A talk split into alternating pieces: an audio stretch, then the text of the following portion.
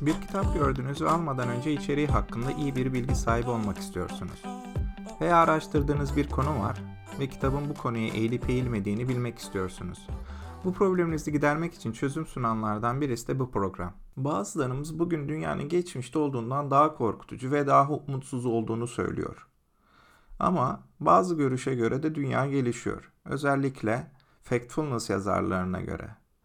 Ola Rosling ve Anna Rosling Ronlund tarafından yazılan Factfulness isimli kitap, dünyamıza bakmanın yeni bir yolunu ve onu nasıl anlayacağımızı tanıtıyor. Beynimiz dramayı arzulayacak şekilde gelişti ve bu yanlış anlamalara ve aşırı dramatik bir dünya görüşüne neden oluyor diyorlar. Sayısal veriler içeren örneklerle yoksulluk, nüfus artışı, doğum, ölüm, eğitim, sağlık, cinsiyet, şiddet ve çevre ile ilgili küresel kalıpları ve trendleri sunuyorlar. Yanlış düşünmeye neden olan 10 insan içgüdüsüne eğiliyorlar. Ve fikir oluştururken gerçeği kurgudan ayırmayı hedefliyorlar. Kitapta konular halinde ele alınan 10 insan içgüdüsü şunlar. Uçurum içgüdüsü. Olayları iyi ile kötü ya da varlıklı ile yoksul arasındaki gibi hayali bir uçurum olan iki farklı ve genellikle zıt gruba ayırma içgüdümüz var. Sık sık onlar ve biz veya batı ve geri kalanı hakkında konuşuruz. 1960'larda ülkeleri gelişmiş ve gelişmekte olan şeklinde ayırmak kolay olabilir. Ancak bu yöntemin günümüzde modası geçmiş durumda. Ne yazık ki dünya değişti ama dünya görüşü değişmedi. Sadece iki kategoriye ayırmak yerine dört farklı düzeyden bahsetmeliyiz. 1. En aşırı yoksulluk ve 4. En gelişmiş düzey. Uçurum içgüdüsü güçlüdür. Bunları tetikleyen 3 ortak uyarı işareti vardır. 1. Ortalama değerlerin karşılaştırılması düzeyler arasında büyük uçurumlar var gibi gösterir. Ancak gerçekte düzeylerdeki gruplar örtüşür. 2. Aşırı değerlerin karşılaştırılması ortada olan esas çoğunluğu göstermez. Ve son olarak en gelişmiş düzeyde yaşarsanız diğer seviyeler size çok çok daha aşağıda gözükür. Olumsuzluk içgüdüsü. İyiden çok kötüyü fark etme içgüdümüz var. Çoğu insan dünyanın kötüye gittiğini düşünüyor. Bunun da bazı nedenleri var. Geçmişi yanlış hatırlamak, gazeteciler ve aktivistler tarafından yapılan seçici haberler ve gerçekler yerine duygularla yanıt verme eğilimi. İnsanlar genellikle dünyanın daha iyi hale geldiğini söylemekten rahatsızlık duyuyor. Çünkü hala kötü şeyler de devam ediyor. Olumsuzluk önyargısının çözümü aynı anda iki gerçeği kabul etmektir. Dünya gelişebilir ve hala sorunları olabilir. İşler hem kötü hem de daha iyi olabilir. Bu halimizi kötüleştiren başka bir şey de sürekli olarak kötü haberler beklemektir. Medya ve aktivistler dikkatinizi çekmek için dramaya güveniyor. Dramatik hikayelerin ve haberlerin daha sık yapıldığını unutmayın. Son olarak geçmişe pembe gözlükle bakmayın. Geçmişin kanıtları tatsız ancak durumlar nasıl idi görmezden gelmemeliyiz. Gerçekte işler kademe olarak iyileşir. Ancak bu daha az fark edilir ve daha az dikkate değer olduğu anlamına gelir. Gelişmeleri her zaman duymazsınız. Düz çizgi içgüdüsü. Bu yanılgı bir çizginin düz, doğrusal bir yönde değişmeden devam edeceğidir. Gerçekte genel bir eğilimi etkileyen birçok faktör vardır. Örneğin bir bebek yaşamın ilk 6 ayında 20 cm büyürse hayatının geri kalanında her 6 ayda bir 20 santim büyümesini bekleyemezsiniz. Trendler sadece düz çizgiler boyunca devam etmez. Düz çizgi içgüdüsünü kontrol etmenin en iyi yolu eğrilerin tüm şekil ve boyutlarda olduğunu hatırlamaktır. Düz çizgilerin düşündüğümüzden çok daha az yaygın olduğunu unutmayın. Herhangi iki bağlantılı nokta düz bir çizgi gibi görünür ancak bir üçüncü nokta eklediğinizde doğru sonuçlar elde edebilirsiniz. Korku içgüdüsü. Korktuğumuzda net olarak göremeyiz. En kötü durum senaryoları oluşturma eğilimindeyizdir. Korktuğumuzda kritik düşünme oldukça zordur. Korkularımız evrimsel nedenlerle beynimize işlenmiştir. Fiziksel zarar, esaret ve zehir korkuları bir zamanlar atalarımızın hayatta kalmasına yardımcı oldu. Bu yüzden bu tehlikelerin algılanması korku içgüdülerimizi tetikliyordu. Ancak bu riskleri sistematik olarak abartmamıza da neden oluyor. Medya bunu biliyor ve dikkatimizi çekmek için bunu kullanıyor. Haberler dünyamızın tehlikelerini sık sık yayınlasa da gerçek şu ki dünya daha az şiddetle dolu ve daha az güvensiz. Haberler dünyamızın tehlikelerini sık sık yayınlasa da gerçek şu ki dünya daha az şiddetle dolu ve daha güvenli. Doğal afetler hala meydana geliyor. Ancak bugün çok daha az insan bu yüzden ölüyor. Çünkü insanlar hazırlıklı olabiliyor. Uçak kazaları, cinayetler, nükleer sızıntılar ve terörizmden ölenlerin sayısı toplam her yıl ölenlerin sadece yüzde birini veya daha azını temsil ediyor. Örneğin 2016 yılında gerçekleşen 40 milyon ticari yolcu uçuşu güvenle tamamlandı. Bunlardan sadece 10 tanesi ölümle sonuçlandı. Ancak gazetelerin yazdıkları, gazetecilerin ortaya çıkardıkları bu 10 tanesiydi. Toplamın yalnızca yüzde 0,00025'i ya da 10 milyonda 2,5. O yüzden duyduğunuz şeyin seçilme sebebinin tam olarak korkutabilecek olması için seçildiğini hatırlamakta fayda var. Bir şey sizi korkuttuğunda kendinize bunun gerçekte ne kadar tehlikeli olduğunu ve ona ne kadar maruz kaldığını ve bunun gerçekleşti gerçekleşme ihtimalini sorun. Bir şey sizi korkuttuğunda kendinize bunun gerçekte ne kadar tehlikeli olduğunu, gerçekleşme ihtimalini ve ona ne kadar maruz kaldığınızı sorun. Ölçü içgüdüsü. İşleri orantısız hale getirmeye meyilliyiz.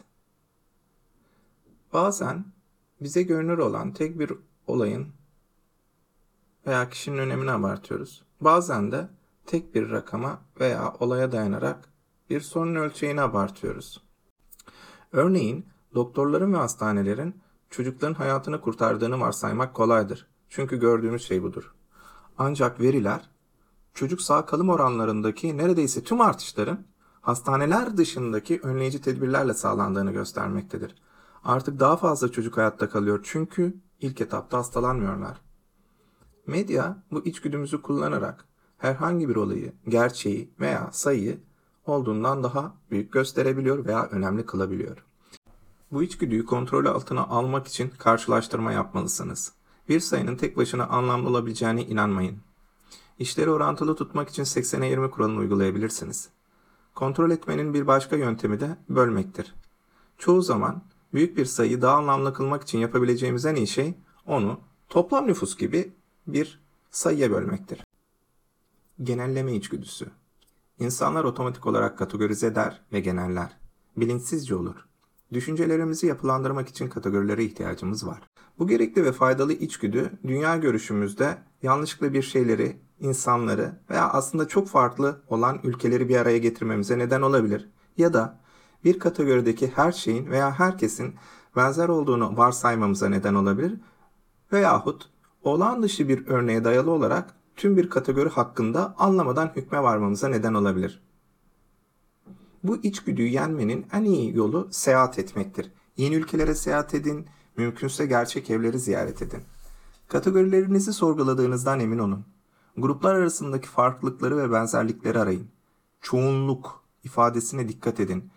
Çoğunluk yalnızca yarıdan fazlasını ifade eder.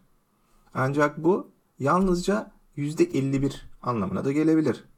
Sürekli ifade etmeyen olağanüstü örneklere dikkat edin. 6 yaşındaki harika piyano çalan bir çocuk tüm 6 yaşındakiler harika piyano çalacak anlamına gelmez. Bir sonucun tüm grup hakkında bir karar vermenize sebep olmasına izin vermeyin. Deneyiminizin normal olmayabileceği olasılığına açık olun. Bir gruptan bakarak diğerine genelleme yapmaktan kaçının. Kader içgüdüsü Kader içgüdüsü doğuştan gelen özelliklerin insanların, ülkelerin veya kültürlerin kaderini belirlediği fikridir. Bir şeylerin olduğu gibi olduğu ve asla değişmeyeceğinin kaçınılmaz nedenlerden ötürü olduğu fikridir. Bizi yanlışlıkla var olan herhangi bir farkın veya eksikliğin değişebilir olmadığına, değişmez olduğuna inandırır. Birçok şeyin sabit gibi görünmesinin sebebi değişiklik yavaş gerçekleştiği için olabilir. Bunu kabul edin. Ancak bu değişimin olmadığı anlamına gelmez. Toplumlar, kültürler sürekli hareket halindedir. Ancak bu o kadar yavaş olur ki fark edemeyiz. Yavaş değişimi değişiklik yok ile karıştırmayın. Kademeli iyileştirmeleri takip edin. Yılda yalnızca yüzde birlik bir değişim bile zamanla yüksek bir sayıya dönüşür. Yeni verilere açık olun ve bilgilerinizi güncellemeye devam edin. Değerlerin hiç değişmediğini iddia etme eğilimindeyseniz, kendi değerlerinizi ebeveynlerinizin veya büyük anne ve büyük babanızın değerleriyle karşılaştırmayı deneyin. Neredeyse kesinlikle radikal bir değişim göreceksiniz. Tek perspektif içgüdüsü. Sorunlarımızı anlamaya veya çözmeye çalışırken tekil sebeplere yahut da çözümlere odaklanma eğilimindeyiz. Ancak bu dünyanın yanlış anlaşılmasına yol açar. Bunun yerine tek bir bakış açısının hayal gücünüzü sınırlayabileceğini kabul edin ve bir soruna birçok açıdan bakarsanız sorunu daha doğru bir şekilde anlayacağınızı unutmayın. Fikirlerinizi zayıflık açısından sürekli test edin. Yeni bir bilgi aldığınızda eskileriyle karşılaştırın ve yenisinin sağlamlığını araştırın. Sadece sizinle aynı fikirde olan insanlarla konuşmak yerine fikirleri sizinkiyle çelişen insanları bulun ve onları dünyayı anlamak için bir kaynak olarak da kullanın. Uzmanların yalnızca kendi alanlarında uzman olduğunu unutmayın. Güvendiğimiz bir doktor dünya çapındaki yoksulluk hakkında çok fazla bir şey bilmeyebilir. Sayıların ötesine bakın. Veriler sınırlıdır. Mümkün olduğunda kavramların gerçek hayattan kanıtlarını arayın. Basit fikirler konusunda dikkatli olun. Dünya karmaşık bir yerdir. Sorunlarımız bunu yansıtır. Suçlama içgüdüsü. Suçlama içgüdüsü kötü bir şeyin olma sebebine dair açık ve basit bir neden bulma içgüdüsüdür. Bir şeyler ters gittiğinde bunun sebebinin kötü niyetli bir birey olduğunu düşünmemiz doğaldır. Birisinin yüzünden oldu şeklinde düşünmeye meyilliyiz. Öteki türlü dünyayı tahmin edilemez, kafa karıştırıcı ve korkutucu olarak hissederiz. Suçlama içgüdüsü bireylerin veya belirli grupların önemini abartmamıza neden olur. Bu içgüdü odağımızdan bizi uzaklaştırır ve öğrenmemizi durdurur. Çünkü açıklama aramayı bırakırız. Bu da enerjimizi doğru yerlere odaklamadığımız için sorunu etkili bir şekilde çözmemizi engeller. Durumlar neredeyse her zaman bir bireyin hata yapmasından daha karmaşıktır. Olay genelde sistemle ilgilidir. Birbiriyle etkileşim halinde olan birden çok nedenlerle ilgilidir.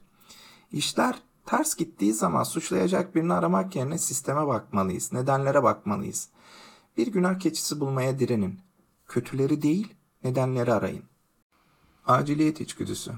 Aciliyet içgüdüsü algılanan yakın bir tehlike karşısında hemen harekete geçme isteği uyandırır. Bu içgüdü bizi strese sokar, diğer içgüdülerimizi de kontrol etmeyi zorlaştırır, analitik düşünmemizi engeller, aceleci karar vermemizi sağlar ve üzerinde dikkatlice düşünmediğimiz çok ani tepkilere sebep olur. Aciliyet, dünya görüşümüzün en kötü çarpıtıcılarından biridir. Yüksek düzeyde stres ve kaygıya katkıda bulunur. Bunun yanı sıra endişelenmeye değer 5 küresel risk vardır. Küresel salgın, finansal çöküş, dünya savaşı, iklim değişikliği ve aşırı yoksulluk. Bunlar dünya olarak ele almamız gereken sorunlardır. Aciliyet içgüdüsünü kontrol etmek için küçük adımlar atın. Daha fazla zaman ve daha fazla bilgi isteyin. Kitapta ele alınan ve örneklerle, çeşitli sayısal örneklerle değerlendirilip açıklanan 10 tane temel içgüdü bu. Detaylı inceleme ve örnekler için Factfulness kitabını alabilirsiniz. Bu kitap içgüdülerinizin gerçeklerden ayrıştırmanın ne kadar zor olabileceğini göstermeyi hedefliyor bilgi öğrenmeyi teşvik ediyor. Yeni gerçekler keşfederseniz fikrinizi değiştirmeye açık olacağınızı iddia ediyor. Verdiği mesaj şu. Gerçeklere dayalı bir dünya görüşünüz olduğunda dünyanın göründüğü kadar kötü olmadığını görebilir ve onu daha iyi hale getirmek için ne yapmamız gerektiğinizi görebilirsiniz. Özet bu kadar. Bir sonraki bölümde buluşmak üzere. Hoşçakalın.